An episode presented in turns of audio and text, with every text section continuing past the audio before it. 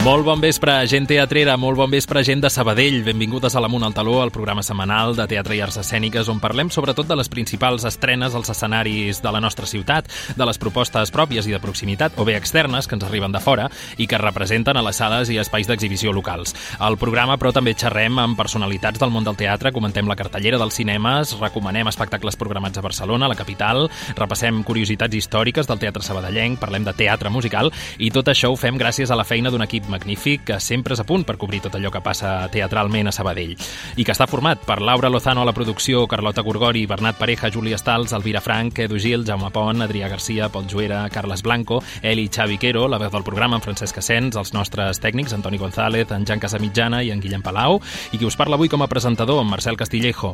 Cada vegada tenim el Nadal més a prop, les dues principals entitats de teatre amateur de la ciutat, Teatre Sant Vicenç i Joventut de la Faràndula, com comentàvem al darrer programa, ja són a punt d'estrenar els seus pastorets.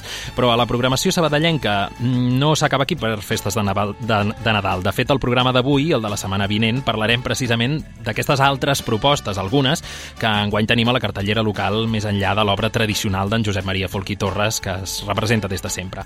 A Barcelona, el Teatre Nacional, el Teatre Lliure, però també les sales més petites, com l'Acadèmia, el Maldalt, en Tarantana o a la Sala Beckett, tenen cartelleres que us poden interessar si sou teatreres fanàtiques. I és que potser regalar teatre per Nadal pot ser una opció, regalar cultura. El tió sempre pot cagar un parell d'entrades o fins i tot les pot portar l'amic invisible. Una experiència com una sortida al teatre pot ser compartida, ens farà passar una bona estona, ens remourà, ens farà sentir, ens farà vibrar, i el valor que ens emportarem serà intangible. Uh, però què ens configura les persones si no són precisament aquests moments, no? aquestes vivències, com la d'entrar en una sala, seure, quedar-se a les fosques i presenciar una història que et pot passar o no, però que en tot cas sentiràs propera. Amunt al taló, programa 248, comencem. Amunt al taló.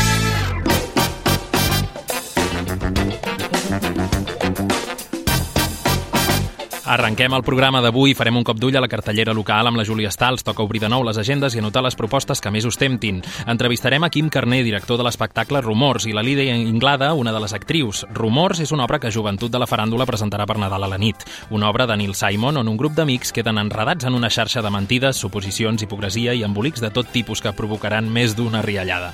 També parlarem amb en Jordi Fiter, director i ànima d'Il·lus Teatre, que presenta el cabaret literari Un altre menja freturo que amb sací i millor a la Cava Urpí des del 23 fins al 30 de desembre. Escoltarem musicals que tenen a veure amb la religió, amb els germans Quero, l'Eli i el Xavi Quero. Farem un duel de musicals. I per tancar el programa amb l'Elvira Frank, per acabar, comentarem dues propostes teatrals barcelonines, una a la Sala Fènix, de més petit format, i una altra de magistral, dirigida per Carme Portacelli, a la Sala Gran del Teatre Nacional de Catalunya. I ara sí, comencem. Els dimecres al vespre, Amunt al taló. A Ràdio Sabadell. La platea indiscreta. Obriu les agendes perquè ara és moment de fer un cop d'ull a la cartellera local amb la Júlia Stals. Bon vespre, Júlia, com anem? Bon vespre, molt bé, i contenta perquè aquesta setmana tornem a tenir platea. Perquè la Exacte. setmana passada no hi havia oferta Era un- cultural a la era un ciutat. desert, eh? Primer cop que passa això a Sabadell, també Clar, és, veritat. és, el, és el, la prèvia del Nadal, eh? Sí, ara ja venim ben forts. Comencem Clar. al Teatre Sant Vicenç, Mm. que estrena l'obra nadalenca per excel·lència, Els Pastorets, aquest dissabte i diumenge a dos quarts de sis de la tarda, i això fins al 21 de gener. Per tant, Pastorets per un munt, eh? déu nhi sí, sí, són llargs, són llargs. Uh, els fan durant moltes setmanes. I Seguim- qui més els fa? Sí, també els fa la faràndula, Mhm. el clàssic dels Pastorets, dissabte i diumenge a les 6 de la tarda. Exacte, per tant, coincideixen també amb, la, amb aquest cap de setmana d'estrena, eh? Sí. Què més, què més? Més propostes, fort. A va. l'alternativa a l'alternativa segueix en cartell Rent aquest dissabte a les 7 de la tarda i diumenge a les 6. Dues opcions. Què I- més podem anar a veure? Per últim, a la bàscula interpretaran um, per últim cap de setmana també cal recordar el musical L'ombra de Serrallonga divendres a les 9 del vespre i diumenge a les 6 de la tarda. I Exacte. acaben, que porten ja unes quantes funcions. No, no, ha estat un èxit, en vam parlar aquí al programa. Uh, algun altre recordatori, Júlia? Sí, com sempre recordem que es pot trobar gran part de l'oferta cultural de la ciutat a l'aplicació Sincronitzat disponible a iOS i Android i a la web de Sabell Cultura. Fantàstic, Júlia. Doncs seguim espiant les propostes teatrals locals programades al proper programa. I tant. Que vagi molt bé. Gràcies. Bona setmana.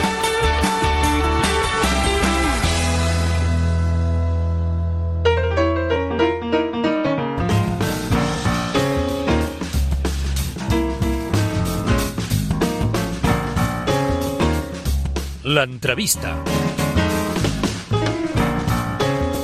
Avui parlarem d'una proposta de joventut de la faràndula que no són els tradicionals pastorets, com us dèiem a l'inici del programa. El grup torna a recuperar després dels anys de pandèmia la proposta de Nadal a la nit.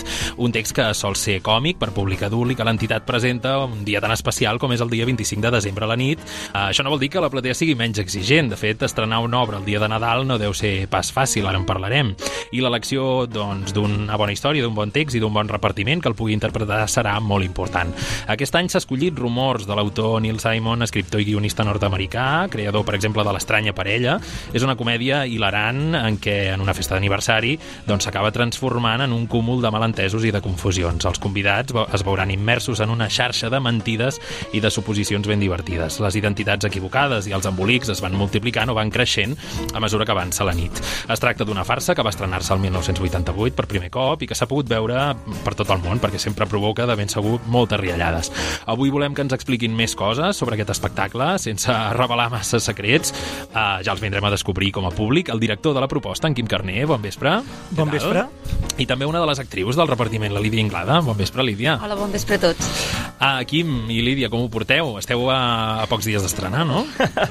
no, bé, bé, bé, ho portem bé. La veritat que molt il·lusionats, però com sempre suposo que aquella miqueta de, de coquet a dintre de, de l'estómac amb ganes d'estrenar. De, Clar, la primera pregunta és obligada, no? Com, com és que decideixes Quim agafar aquesta història, no? Com s'ha t'acut que pot encaixar també en aquest format que, que també s'ha fet durant molts anys a l'entitat, com és el Nadal a la nit? Doncs, a veure, si t'he de ser molt sincer, quedaré com molt, molt poc professional, tot i que no m'hi dediqué realment, però mm, això ve perquè fa molts anys la vaig veure, va ser d'aquelles obres que, que vaig deixar dintre d'aquella de, carpeta, que en tinc vàries, d'aquelles que un dia vols treure i quan et diuen, va, fes alguna cosa, doncs agafes la carpeta i mires què tens. Mm.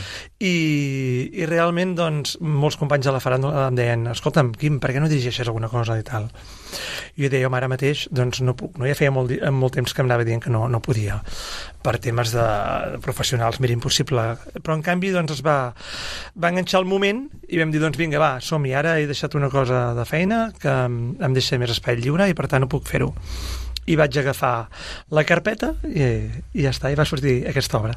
Clar, després últimament de dirigir no? grans musicals de gran format, ara dirigir una obra de text d'aquestes característiques entenc que ha de ser molt diferent també des de la vessant de la direcció, no? Evidentment, aquest és un dels reptes, no? És evident que ja, ja ho havia fet en algun Nadal la nit passat, com El món per un forat, ja ho havia fet amb Joventut de la Faràndula, i feia molt temps que no ho feia, la veritat. I en teníem ganes, tenia ganes de fer-ho, tenia ganes de fer-ho amb l'equip doncs, amb qui ho he dut a terme, que era un, és un equip que per mi em sembla molt potent i per tant, doncs, eh, va, realment va ser el que em va engrescar més, va ser això, eh, la idea de dir, ostres, tinc ganes de treballar amb aquesta gent. I aquest, eh, aquest muntatge doncs, ho permetia molt bé, s'encaixava molt bé. Mm -hmm.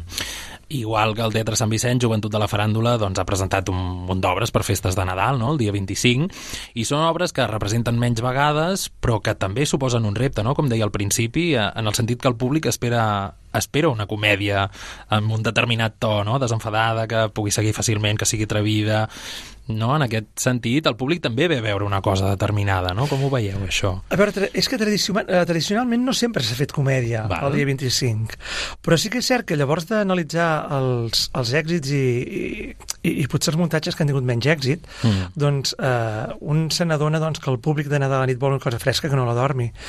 Pensem una realitat, i és que la gent ve molt tipada de menjar mm els dinars de, sí, sí, de Nadal.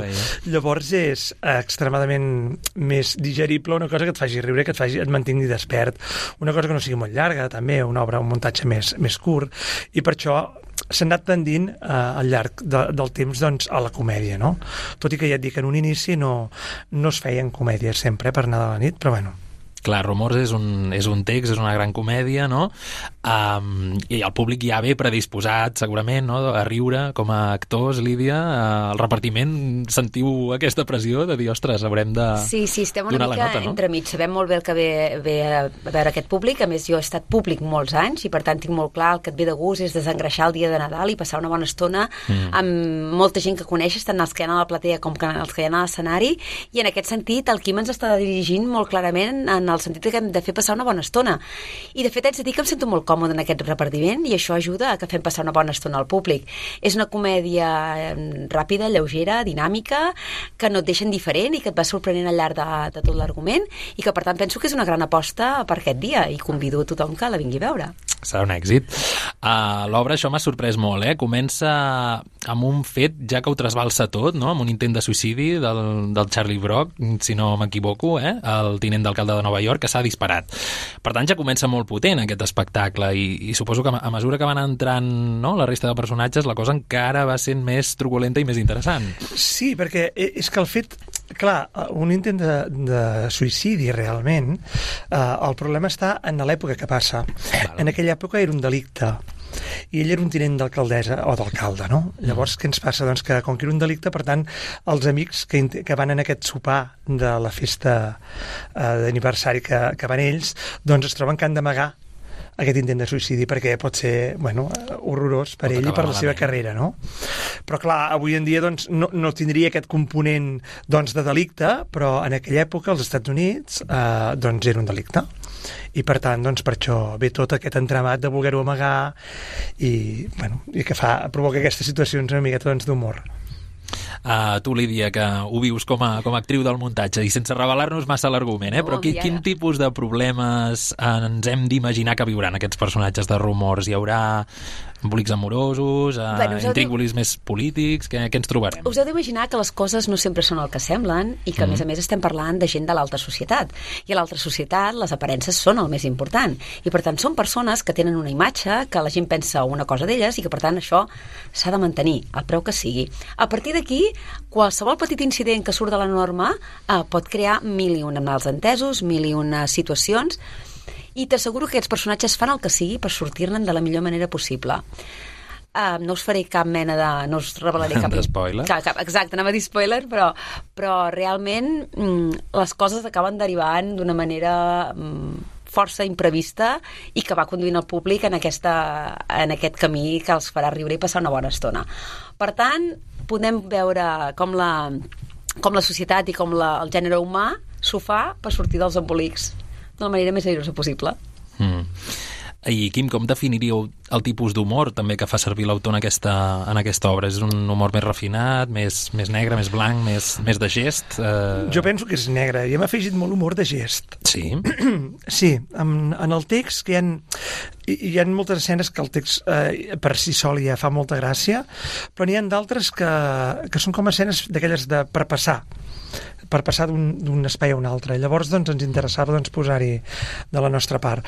A més, l'hem fet una miqueta irreverent, ho hem de reconèixer, eh? és a dir, el vocabulari que s'utilitza doncs, és irreverent, les formes que utilitzem també ho són, eh, eh, no, no deixa de ser un sopar d'amics. I llavors, amb aquesta confiança doncs, actuen doncs, d'una forma que xoca molt amb, segurament amb les feines que ells doncs, exerceixen al llarg del dia, no? que és d'una forma més pública. Uh -huh. El Neil Simon, l'autor, eh, assegura no? que està passant per un moment molt complicat a nivell personal quan escriu aquesta comèdia i que per ell va ser catàrquic, que, no? que fer aquest text va ser, el va ajudar a treure, eh, suposem, l'angoixa que duia dintre no? o en, el va animar. Creieu que passarà també això amb el públic que vindrà el dia 25, que veurem, veurà el públic aquestes personalitats no? tan estripades, tan exagerades i també entraran aquesta, Home, aquest sentiment de catarsi? És l'objectiu que busquem i el que realment esperem que passi, que, uh -huh. que aquesta catarsi, perquè realment realment els ingredients hi són perquè passi, faci que el públic rigui a cor que vols i que es deixi anar i que viatgi amb nosaltres a través d'aquesta nit tan moguda, però com tot, sempre hi ha una conclusió final i una lliçó per aprendre. Mm -hmm.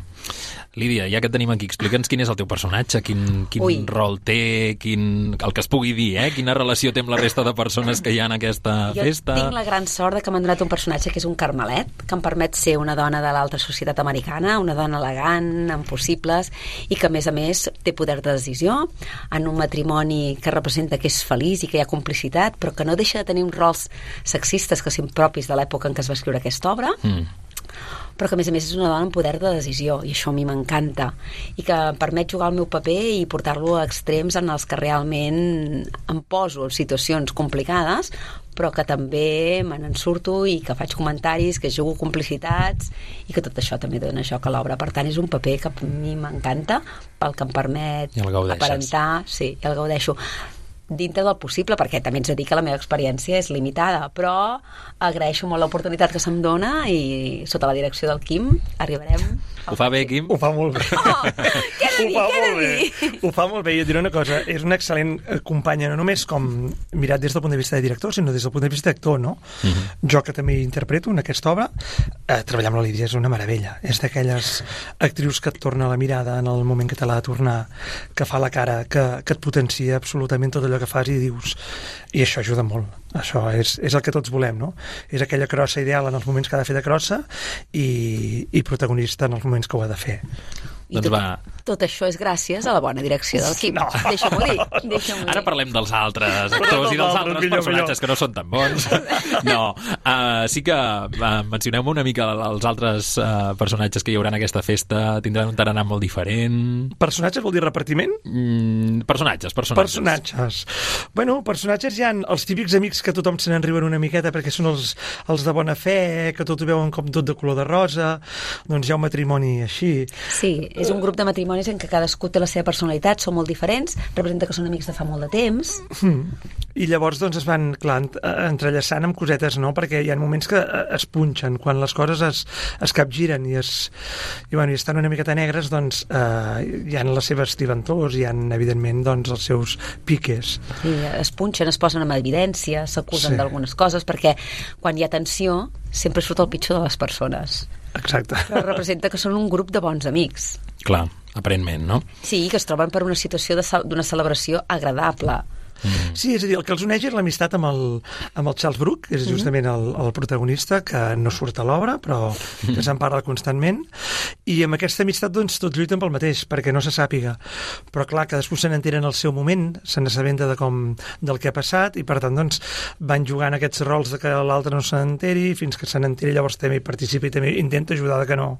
Però sempre fent suposicions i fent córrer rumors del que deu haver passat. Clar, sí, l'objectiu comú és molt lloable, però els mitjans per aconseguir aquest objectiu no sempre són del tot els que haurien de ser. D'aquí el, el títol de l'obra. Clar, imagino que els, els personatges d'aquesta festa no, eh, són gent elegant, amb una certa posició social amb, no, i econòmica, amb la vida resolta, però en canvi els veurem submergits en aquests embolics, en aquests equívocs, no? Eh, I això és- segurament és el que fa gràcia, no? Veure desmitificats, veure ridiculitzats aquests, tots aquests personatges que sembla que tot els hi vagi molt bé, no? Exacte, no? I, i persones que tu t'esperes que parlin d'una forma superpulcra i estricta i en canvi doncs aquí mal parlen tota l'estona i parlen malament, fan servir un vocabulari doncs eh, fora de lloc perquè doncs els nervis els, els guanyen. Clar, i a més a més, quan estan davant d'altres parelles, eh, tenen un rol i tenen un tipus de personatge, però quan es queden soles amb la seva parella, veus sorgir el pitjor de cada relació. I allò que la confiança fa, es fa una mica de fàstic és això. Doncs ja ho sabeu, Radio Oients, a Joventut de la Faràndula presenta Rumors, aquesta farsa on una sèrie de personatges amb classe queden en evidència en aquesta festa entre amics, una obra del Neil Simon, el dia 25, Nadal a la nit. Les entrades ja són a la venda al portal de Sabadell Cultura. Gràcies per acompanyar-nos a la Mont al Taló d'aquesta setmana, Quim Carnel, director de l'espectacle, i Lídia Anglada, actriu de l'obra. Bon vespre. Moltes gràcies. Moltes gràcies Gràcies. Amunt al taló.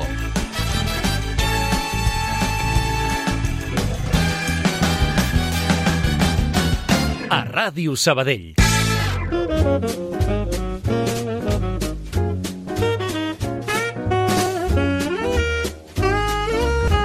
La segona entrevista del programa d'avui la volem dedicar a un espectacle que arribarà a la Cava Urpí el dia 23 de desembre i que s'allargarà fins al dia 30 de desembre, però que ja s'ha convertit després de 25 anys en tota una tradició sabadellenca. Serà el 26è any i en efecte parlem del cabaret literari, com ja podeu suposar, de la companyia de la nostra ciutat Il·lus Teatre, que ens presenta sempre quan arriben les festes sense falta.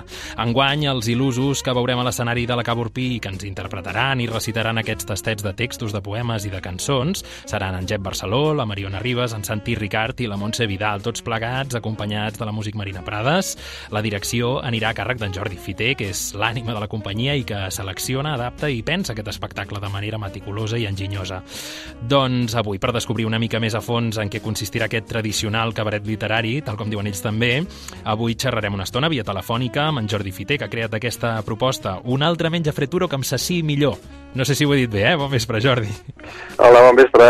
Uh, ho has dit molt bé, eh? Sí, sí, un altre, un altre menja fraturo que em saciï millor. A veure, sempre, sempre que parlem a Ràdio Sabadell a la Munt al Taló sobre aquests cabarets literaris que ens presenteu des d'Il·lus, la, la primera pregunta sempre és... Mm, potser t'hauria de preguntar primer pel títol, eh? Què vol dir? Va. A veure, la, la, la política de títols, si, eh, si ens has seguit una mica ja saps que va per aquí la cosa, Uh -huh. És sempre buscar alguna frase, alguna, no sé, alguna locució, alguna cosa que, que, que capti l'atenció i hem triat coses a vegades tan surrealistes com això fred no vol res, o bé eh, total res, o vés a saber, títols d'aquests que, bueno, no Deixen una mica defineixen el- d'incògnita, també, eh? Sí, però jo crec que a aquestes alçades ja la gent que ens ve a veure no, no deixarà de venir o no vindrà només perquè el títol el captivi. Potser algú sí, evidentment, però és, ja forma part, diguem-ne, de, de, de, del, del, del, del producte com a tal. No? Vull dir, Mhm. és, és, bueno, és posar una, una frase que pugui, si més no, doncs, definir perquè aquí sí que hi ha una mica la voluntat de definir l'objectiu, no? Un altre menja fraturo que em saciï millor, vaig trobar que era una frase molt poètica per definir aquest anel, aquesta necessitat de buscar una altra mena d'aliment Mm. Que ens alimenti millor, malgrat la redundància, no? Perquè Clar. justament en les èpoques que estem de d'accessos i de, i de, i de àpats i de, i de tot, Mhm. eh, n'hi ha que no ens conformem amb això, amb aquesta menja material, i és una oportunitat no només per nosaltres de viure-la, sinó de, de, de, de fer-la arribar també a la gent que tingui necessitat de- d'un altre menja. Clar, és totalment cert que, que aquests títols, com deies, no, ja són marca de la casa, és el tarannà de, de la Sí, sí, companyia, sí. no? i la gent al final ja sap Sí. què ve a veure. Sí, sí. Ah, clar, pel títol, en el meu cas, no? i per les imatges que he pogut veure d'aquest espectacle, eh, tot, tot em porta a pensar que potser girarà també al voltant de, de les grans menges, no? de les ingestes de Mm. Nadal que qui més qui menys fa envoltat de, de la gent que s'estima, no? per celebrar alguna cosa... no, no és tant aquest... O sigui, ara, no és que giri al voltant de la, de la, de la menja com ha fet d'alimentar-se físicament, sinó que vaig aprofitar la poètica del títol per il·lustrar-la amb la foto de, de, de, de, de propaganda, diguem-ne, de, de, de promoció amb els Mhm. actors al, al, entorn d'una taula i amb una sopera i unes culleres. Això era per, bueno, doncs, per fer una mica de, de col·locada d'ullet al títol, no? Mm. L'origen d'aquest títol, no sé si t'ho he explicat, això em sembla que no, és d'una rèplica que dona el llop de la Caputxeta quan es troben pel bosc, Mhm. i és una obra que va escriure el Josep Vallverdú, que, que aquest any està doncs, en boca de tothom perquè celebrem el seu centè centenari, no? I, i jo de petit mm, la, la veia aquesta obra perquè el meu pare l'havia dirigit i és una obra que es va fer moltíssimes vegades, molts anys, i per tot Catalunya, amb el circuit de Rialles, i aquesta frase sempre em havia cridat l'atenció. Potser en aquell moment no l'entenia perquè era petit, però quan vaig descobrir que darrere d'aquesta cosa tan prosaica que és no en tinc prou en menjar-me el que m'ofereixes del cistell, perquè la, la caputxeta em diu, mira, si vols et dono el cistell. I diu, no, no, jo fraturo un altre menja, vull dir, et vull menjar tu, no? Mm. I, i vaig pensar, té una poètica que és maca, això, per, perquè pot resumir també una actitud Sí, a la aquesta, vida, no? De, de buscar més enllà de, de la cosa física. Va, doncs ara sí, Jordi, fem aquesta primera pregunta que et deia, no? que, Sí. que comentem sempre al programa quan arriben dates nadalenques. Um, quin, quins han estat els textos seleccionats en aquesta ocasió, aquest any, i Mhm. com, com has decidit fer aquesta selecció? Com, com casa tot plegat? Quin fil conductor has trobat? Bé, a veure, el, el, el, la selecció sempre es va fent eh, a mesura que vaig eh, sentint, llegint, buscant, o sigui, dura, dura el que dura això, perquè no, no és que m'hi posi un dia i comenci de zero, ja vaig guardant coses, vaig, vaig sentint, a vegades alguna entrevista que fan d'algun autor, i dic, hosti, això és interessant, pam, em compro un llibre, em llegeixo l'article, m'arriben també coses, a vegades no saps com t'arriben, no? Algun, algun text, i és anar, anar recollint. I llavors, un cop ho tens tot, el material en brut, ve el procés més, potser més interessant i més, Mm. més divertit, que és, que és com ho combines, com ho contrastes, quins colors tindrà una sèrie, quins colors tindrà una altra. Aquí m'agrada una mica que hi hagi aquest viatge d'emoció, no? que estiguis rient perquè fem una cosa més, més, més, més divertida, més absurda, més, més còmica, i Que el següent número, després de la cançó, patapam, et foten allà una, una sotregada que la gent també li agrada, eh? en aquestes Ah. dates que, la, que, que et facin pensar una mica i que et facin reflexionar sobre coses. No? Mhm. I és, I és anar combinant aquests dos o aquestes diferents tessitures, no? diferents models. Que hi ha una decisió important a l'hora de, entenc que a l'hora d'engegar un cabaret literari com els vostres, no? que és la tria dels actors sí. i les actrius, el repartiment que interpretarà aquests textos. Mm. En aquest cas, què, què t'ha portat eh, cada veu, cadascun dels il·lusos que veurem en aquest espectacle? Sí, a, a mi m'agrada que, de la mateixa manera que hi ha una varietat de gènere, d'estils, no? perquè hi ha des d'articles periodístics fins a poemes, evidentment, fins a acudits que, que, que t'expliquen o que els proves, i, i llavors aquesta varietat en la forma també m'agrada que hi sigui en, en, en les veus, no? diguem que hi hagi també un goig afegit pel públic, que sentir, sentir diferents timbres sempre és una mica, és una mica més engrescador perquè també aporta un valor no? artístic. Vaja, no? Fins i tot aquest any tenim una, una veu que no hi és eh, present, es fa en off, uh -huh. però que, que em feia gràcia comptar-hi i, i la vaig convèncer i la vam tenir, que és una noia, una actriu catalana de, de doblatge, que és la, la Núria Trifol. Uh -huh. És una actriu que, bueno, la seva veu és tan coneguda perquè és, és la, la dobladora oficial de aquestes grans actrius de Hollywood, la, uh -huh. la Kate Winston, no, la Kate Winston, la, la Anne Hathaway, la Natalie Portman, mm. la Kira Knightley... Vull dir que segur que és una veu que has sentit tant en català com en castellà. I és una veu que sempre m'ha captivat. I li vaig proposar i li va fer il·lusió. I, i hi ha un, un dels textos que fem que, que no hi ha ningú a l'escenari, que només és gaudir de l'àudio, diguem de, de la bellesa del contingut sí, sí. i de la forma, no? I, I no hi haurà res, hi haurà només saps, la llum que hi hagi d'haver, però l'escenari buit i tothom estarà allà escoltant una veu, no? És que ni tan sols el cos, ja només hi haurà la veu. Mm. I que això també és maco de poder donar, oferint com a, a la valor afegit. La, la, els timbres, la, la, veus masculines, veus femenines, veus més greus, veus més agudes, i això jo trobo que, que també contribueix. Eh? Potser la gent no se n'adona directament, però indirectament segur que sí, clar. Que, Uh, aquests textos que presenteu en aquest format de cabaret literari van, a més a més, amenitzats o combinats amb música. Entenc que també sí. és una peça importantíssima, no?, perquè l'espectacle funcioni d'alguna manera. Sí, sí, sí. Això ja des de l'origen ja ho vam fer així el primer any, des de fa 26 anys, i, i sempre ho hem mantingut. La música en directe normalment és la que fem sempre en els nostres espectacles. Mm. Ara, quan vam estar aquí al principal, per la primavera, també vam tenir la sort de poder comptar amb l'Oriol Pedrós i, i amb la Carolina Bartomeu i la Marina, que formaven la part musical, però sempre m'agrada combinar aquest, aquesta part musical en directe, no? I, i a part d'això, que també els tenint-los allà, doncs clar, els hi passo la selecció dels temes que han de preparar-se, però els hi passo tot un guió amb totes les músiques incidentals, que home, aprofitant que tinc una banda, dic, hosti, doncs l'aprofitem, i a la millor tenen com 25 músiques incidentals, que a vegades és simplement un redoble, a vegades és una melodia que serveix de coixí o de cortineta de transició per passar d'una escena a l'altra. Vull dir que realment tenen molta, molta presència, no?, la, la, les músiques. Mm -hmm.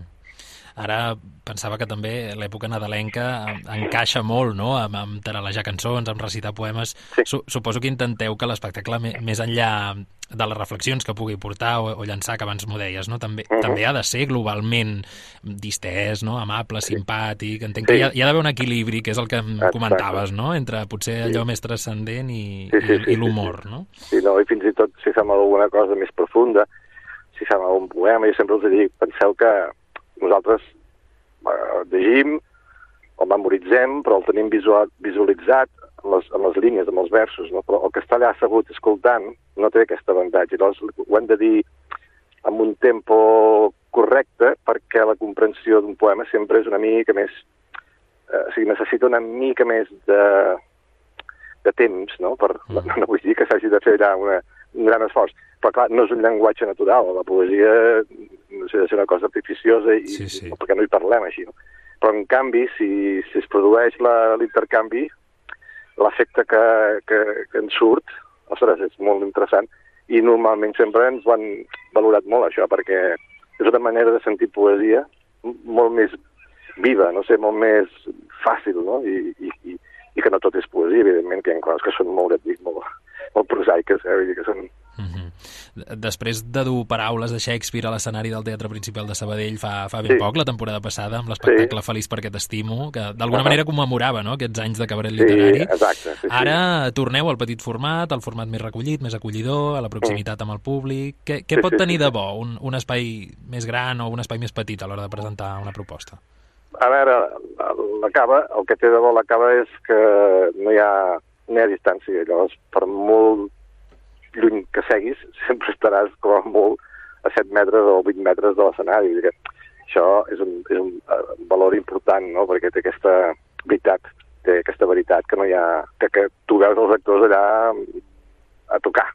I això, home, pels espectadors és molt, molt, molt gratificant i pels actors també els agrada molt aquesta proximitat. No poden veure la cara de la persona a, a qui li estan dient una cosa.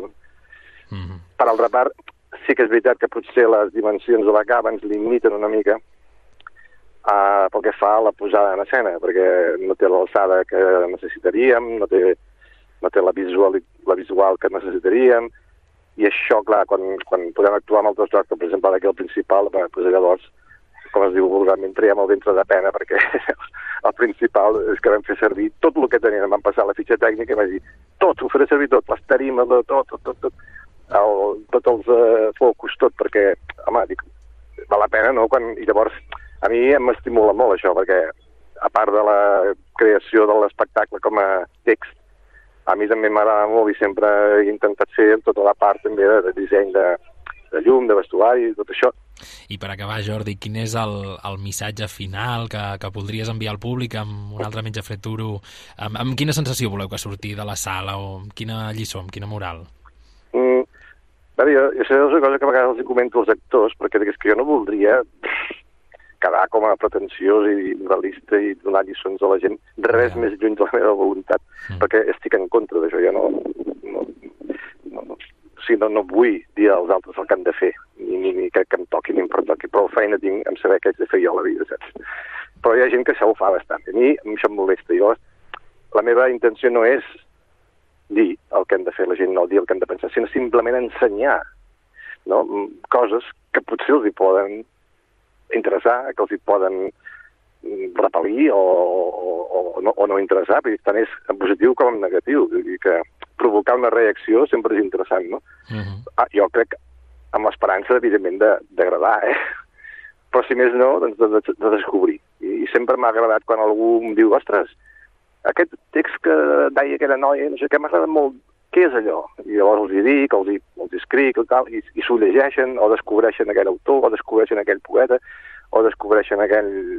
quan vam fer l'espectacle de, del centenari de la mort d'Albert Camus, del naixement d'Albert Camus, el 2013 vam fer un espectacle dedicat a Albert Camus, i hi va haver gent que arran d'aquest espectacle em va escriure dient no coneixia res d'aquest autor a nivell literari i gràcies a aquest espectacle que feia un fragment de l'obra El primer home, que es deia, d'Albert Camus, i diu, me la vaig llegir, i escolta, fantàstic i gràcies per haver-me'l fet descobrir perquè no, no, no havia anat a parar mai aquí, no? Vull dir que, bueno, també hem fet una petita contribució en aquest sentit. Uh -huh. Uh -huh. Doncs Jordi, ens quedem, mira, ens quedem amb el títol d'aquest nou cabaret literari que presenta la companyia sabadellenca Il·lus Teatre, un altre menja freturo que amb sací millor, un espectacle que de ben segur que us sorprendrà i us farà passar una bona vetllada nadalenca des del 23 de desembre fins al dia 30, abans de tancar l'any, a les 9 del vespre a la Cau Urpí. Entrades a través de Code Ticket ja a la venda. I correu perquè volen sempre, eh? Sempre s'esgoten. Ja està el 50% ja. Eh, no, i això és que val la pena també passar una, una bona estona en companyia d'aquests textos que, Exacte, que ens cuina, sí, sí. que ens selecciona en Jordi i aquest grapat d'artistes eh, il·lusos. Moltes gràcies, Jordi, Moltes gràcies i bona sort vosaltres. amb la recta final i amb l'estrena. Gràcies, vinga, una abraçada. Adéu. Adéu. Posa't al dia de l'activitat teatral de la nostra ciutat a Ràdio Sabadell.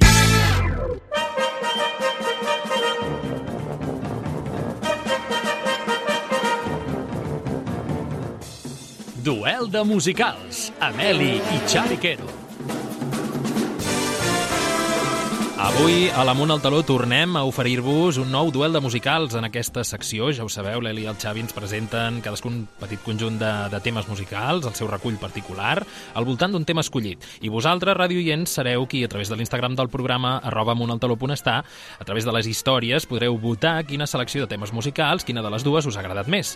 Revelarem el resultat d'aquesta votació el proper dia que vinguin els germans Quero a la ràdio. Avui coincidint amb les dates ja pràcticament nadalenques o pre prenadalenques més aviat, eh? Avui en dia tot s'avança, uh, que són unes dates on hi ha certa gent que s'inunda d'espiritualitat o que viu més intensament que mai la fe, parlem de musicals que tenen alguna connexió, alguna relació amb la religió. Uh, germans Quero, Eli Xavi, benvinguts. Molt bones. Hola. Uh, com anem de creences? També les viviu a tope durant aquestes dates prenadal? Eh, no estem ja a Setmana Santa? Sí. Pregunto. Tot va més d'hora que mai, eh? cada sí. vegada més, sobretot quan es tracta de, del caler no? I, del, i del consumisme, especialment per això. Sí. Uh, doncs mireu, abans de, de començar aquesta batalla de temes musicals, deixeu-me comentar-vos els resultats d'aquest duel, d'aquesta batalla l'última vegada que vau venir aquí als estudis de Ràdio Sabadell. Uh, victòria aplastant de l'Eli, eh? amb 23 uh, vots a través de les històries de, del nostre Instagram. 4 vots pel Xavi, tot i que la selecció va estar molt ben defensada, eh? totes dues. Va, ara sí que ja comencem aquesta batalla d'avui. Qui comença? Qui començarà? Doncs a veure, comença l'Eli, però anem a introduir el tema, principalment. Val. A veure, en aquest cas, eh, com que som eh, musicals, on la religió és important, clar, ens hem adonat que la majoria de musicals el fan gent occidental, mm. amb el qual el cristianisme és gairebé omnipresent. Però bé, la religió, en moltes ocasions, el que ens, ens explica és que en una vida que hi ha després d'aquesta vida uh mhm. -huh. eh, tindrem un seguit d'avantatges fiscals? No, no ho sabem. Però la qüestió és que és un seguit de codis amb el qual és una mena de un cel que posen a la nostra ment. Bé, eh, jo començo a, amb, amb, amb el musical de Jesucrist Superstar, amb un Judas en un escenari buit que s'enfronta davant d'un Jesús que no escolta amb la promesa d'un cel a les seves ments. Un cel que Judas no té clar si la resta veuran o si és només una cabòria d'en Jesús, mentre ell, Judas, opta per acció directa perquè totes les seves promeses d'alliberació esdevinguin realitat. L'Eli ja ho té tot guanyat, eh? comença fort avui. Uh, escoltem Jesucrist Superstar. My mind is clearer now At last, all too well, I can see where we all soon will be. If you strip away the myth from the man, you will see where we all soon will be. Jesus!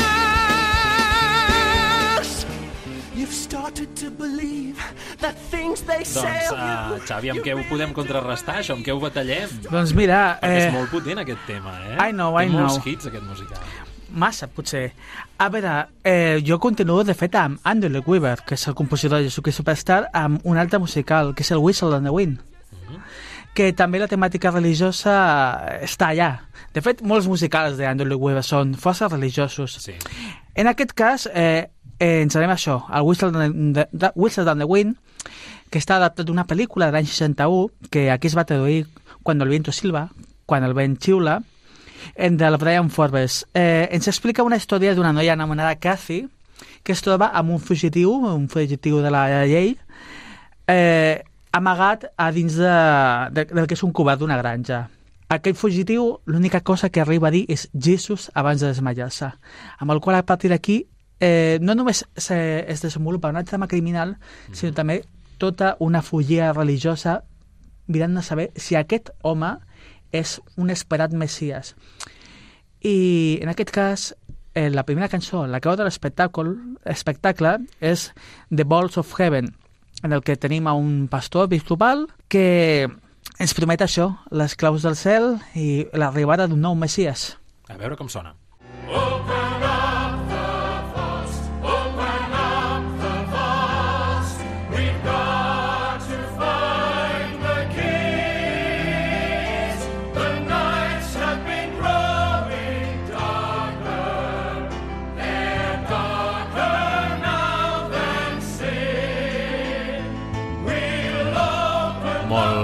idíl·lic, molt solemne. L'important ara és l'oració. L'oració, que és la que ens porta la connexió amb Déu, a vegades l'única, no paga la, no paga la conferència, mm. hay que hacer algo, tu, tu diràs allà una pregària, ella et contestarà si de cas. Però bé, la qüestió és que en els musicals també hi ha això, i és el qual quan deixo a la Eli. Ja ara parlaré de, del musical dels Miserables. Uh -huh. Justament a, a, en el moment no, de que Jan Valjean Home, i tant. coneix, pobret, en Marius, l'enamorat de la seva filla Cosette. No? En aquell moment eh, ell pensa, no, estem ja en un moment àlgid on pensen que tots dos moriran i fa un darrer prec, un prec que pot salvar la vida d'en Marius. I tot, tot i que és cert que Víctor Hugo eh, es va mantenir una, en gran part de la seva vida com a catòlic no practicant, mm. l'obra dels Miserables és molt cristiana. I, I ara sí, veurem sí. aquesta cançó de Bringing Home, no? que és quan el Jean Valjean fa aquest últim crit d'esperança per tal d'ajudar-lo. Sí, sí, porta a la casa un, un tamacle que l'he patit eh, en la pròpia pell, diguéssim, i que puc dir que és un dels temes més complicats de, del musical i de, del gènere musical, eh? Sí. també de- d'interpretar, de, de cantar. Escoltem-lo. God on high,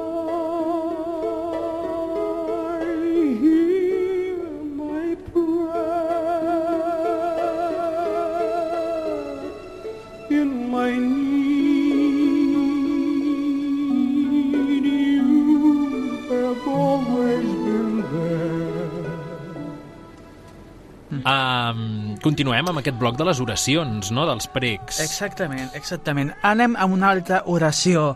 Ens anem a l'any 71. Mhm. Ens anem a conèixer la història d'en John Michael Tebelak, teòleg i estudiós de la mitologia grega i romana, que va composar el musical Godspell. Per què va composar el musical Godspell? Perquè va anar un dia a l'església, perquè malgrat tot ell era molt creient, i quan va sortir el van escorcollar perquè semblava un pollós. El va escorcollar un policia i va dir aquest no era el missatge del meu Déu. Mm. I a partir d'aquí va elaborar el musical Godspell, en el que considerava que totes aquelles cre eh, que, que creences que s'havien desenvolupat al voltant del cristianisme Sí. ja no tenien res a veure.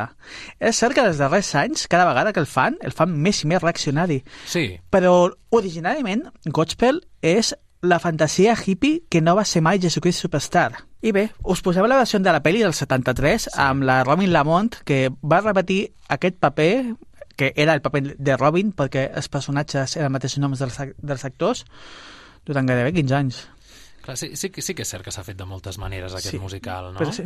I curiosament, aquí a Sabadell s'ha fet. Sí, Sí, els van Segurament fer... diverses vegades, també. Sí, els, els Tatxa. Day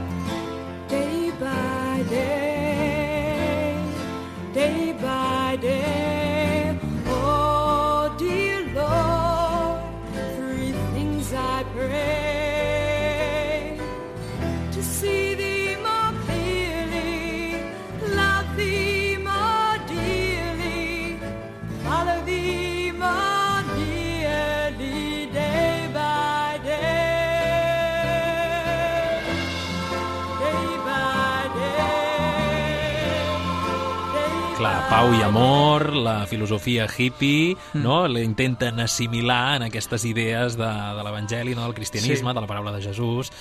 Um, és interessant aquesta unió. Mm. Uh, té molts temes molt bons, aquest musical, a part d'aquest mític uh, dia i nit, no? Mm. Uh, va, com continuem, com seguim? El cristianisme és un monoteisme i que prové del judaïsme. Així que ens anem al judaïsme una estona, a veure què tal. Vinga, a canvi de...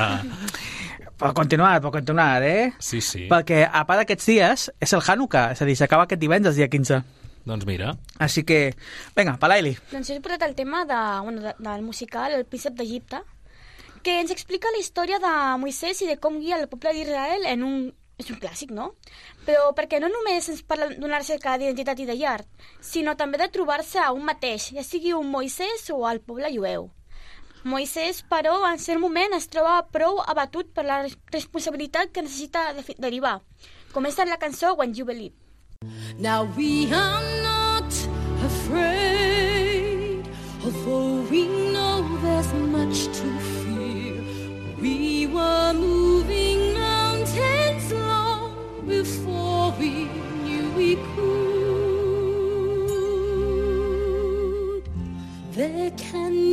Escolteu, continuem amb judaïsme una mica més o ja... Una miqueta més, una miqueta més.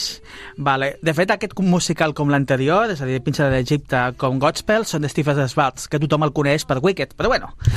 anem, anem a un altre musical. Mira, un altre musical que també han fet els Tatxa, de fet, que és el violinista a la Taulàdia, o com. Home. aquí ho coneixem a Sabadell, Mític, un clàssic. Tevi el jueu, vale? Tevi el jueu, sí, sí. Sí, la història dels jueus russos i, el, i del seu èxode al final de l'obra no és un spoiler, tothom s'ho sap ja, i si no s'ho sap, haver estudiat. Però bé, un dels números principals del primer acte és el del sàbat, en aquella, aquell aplec, eh, aquella trobada amb Déu i un mateix que fan els jueus cada setmana, Mhm. sempre i quan no tinguis feina o entrades pel teatre. Doncs vinga, Tevi el jueu, el violinista a la taulada. May you come to be in Israel a shining name.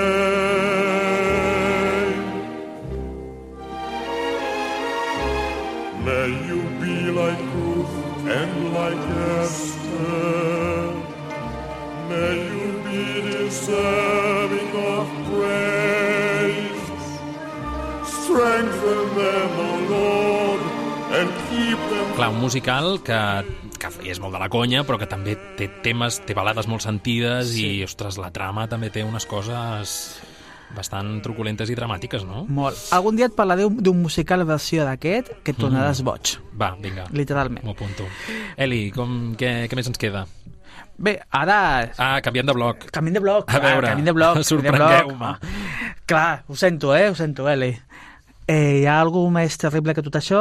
Eh, és que si no segueixes les normes, de, els dogmes de cada religió, te'n vas de pet a l'infern.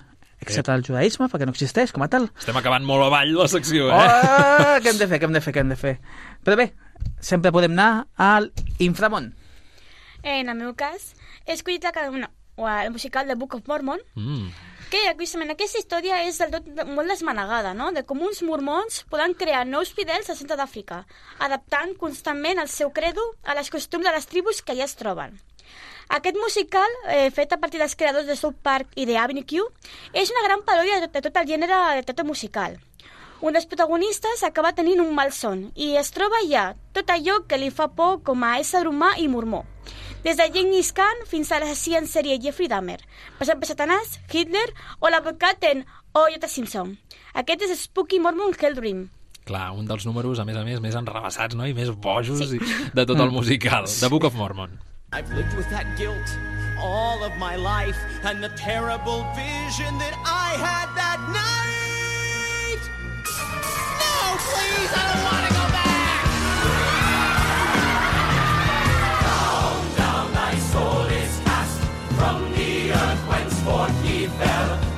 Bueno, a partir d'aquí la cosa es va embolicant, no? Ara dèiem aquí fora de micro que hi ha molts musicals que tenen aquest moment de malson, sí. no? On, on poden aparèixer qualsevol, no? Pot aparèixer qualsevol personatge i pot passar qualsevol cosa dins d'aquest somni. Va, què més? Ens en queda un. Ens en queda un. Ara vinc a un musical que si aquest us sembla eh, totalment desmanegat, us vinc a proposar un, un més encara. Vinga. A veure, si de producers us va, us va semblar una terrible falta de respecte, lo que os traigo a continuación es peor.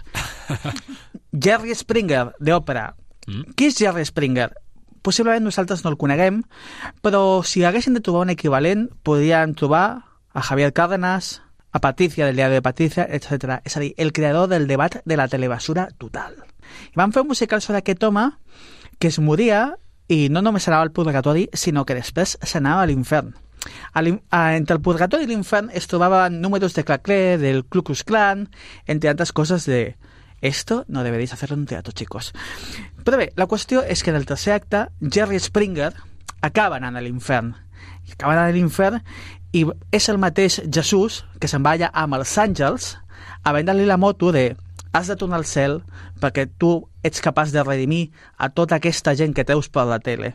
I fins i tot n'hi ha una baralla d'àngels i dimonis. Va, doncs a veure si aquesta trama tan estrambòtica fa front a The Book of Mormon. Sentim-ho. Once in happy realms of light, I was transcendental,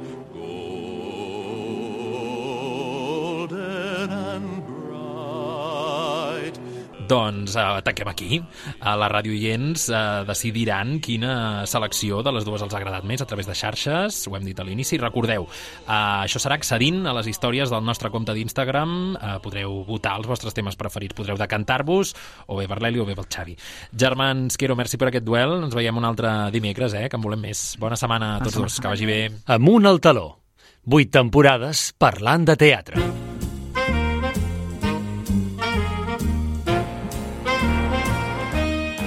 Teatre de Franc. I arribem al tram final del programa. Això vol dir que és moment de Teatre de Franc amb la nostra col·laboradora més teatrera que segueix eh, les novetats de la cartellera de la capital, de Barcelona, l'Alvira Franc. Alvira, bon vespre. què Hola, tal? bon vespre, bon vespre, oients, bon vespre a tots. En quines obres t'has fixat aquesta setmana? Què Mira, ens comentaràs? Uh, avui parlarem d'una obra d'un teatre molt petitó Mhm. i una altra de la sala gran del TNC. O sigui que comencem pel petitó. Tenim tot una mica representat. Tot. Comencem per la sala petita. Petita. Uh, és, L'obra és Volver a Madrid, a la sala Fènix. Una dramatúrgia de Rodrigo Cuesta, amb adaptació de Paco Aldeguer i Graciela Massal. Tres actors, Felipe Cabezas, director artístic de la sala on es representa aquesta funció, i actor de diverses obres, com ara el bufon del rei Lear o el Dopalan, que vam veure, el, mm vam Mhm. comentar l'any passat. Sí, sí. Eh? Uh, a més a més, hi ha l'Adrián de Núñez i Miquel Madignac, dirigits per Alba Florejats, que és la primera vegada que, que dirigeix. Eh? En entrar a aquesta petita sala, que per cert, no s'hi cabia, hi havia, tot estava ple, eh? no hi cabia ni un espectador més, trobem els actors ballant un ritme de discoteca. L'ambient és fosc, típic d'aquests llocs, l'espai escènic és buit. Només hi ha tres cadires. Tot és negre, inclús el vestuari dels actors.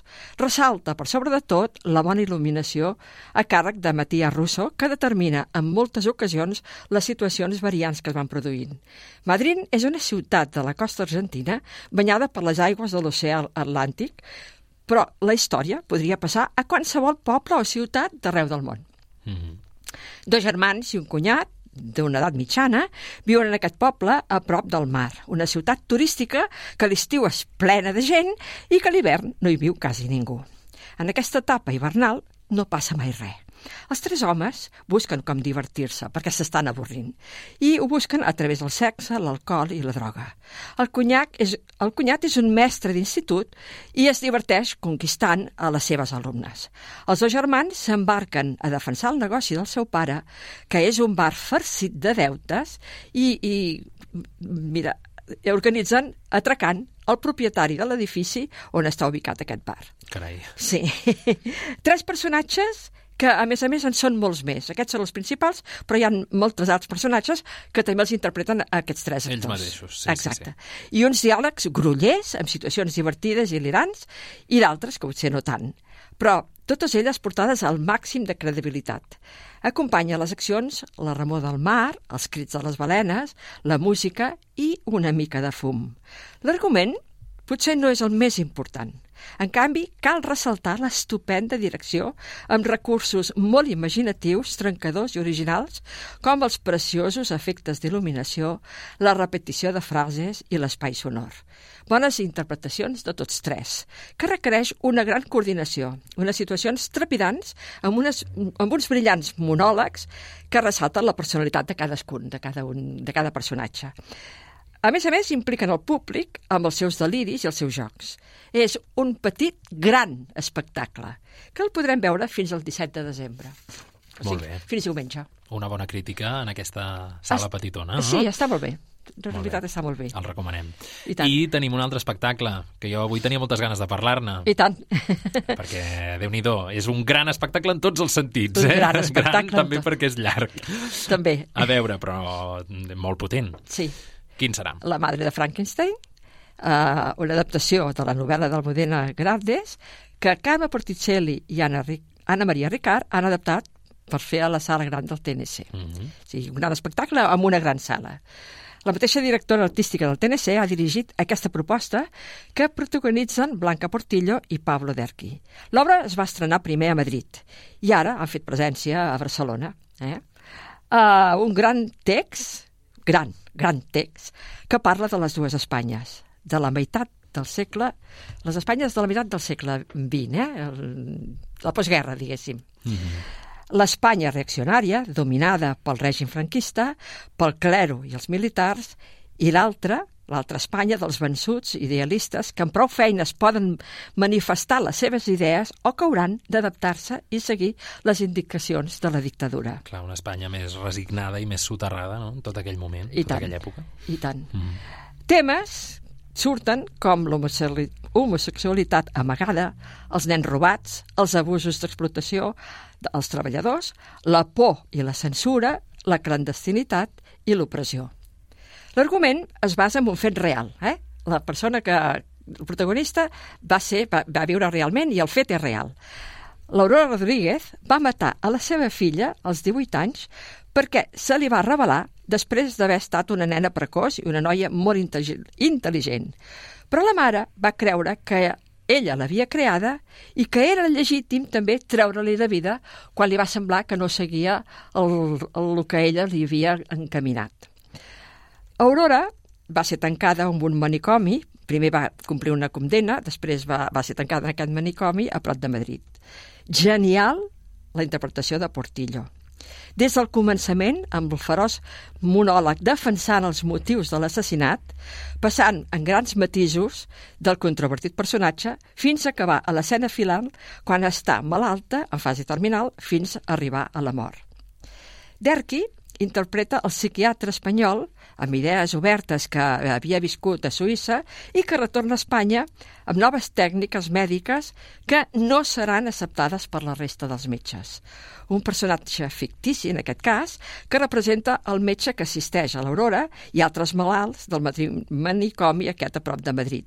Un paper sorprenentment contingut i reflexiu Mm. que l'actor l'interpreta de meravella. Mm -hmm. Un paper més contingut que potser de vegades no hi estem tan acostumats, no?, quan pensem en en Amb el Derqui, sí. En canvi, sí. sí Aquí sí. molt, Uh. Des de la contenció, no Sí. tot el que arriba a expressar. Sí, sí, molt diferent del, del que fa la Portillo.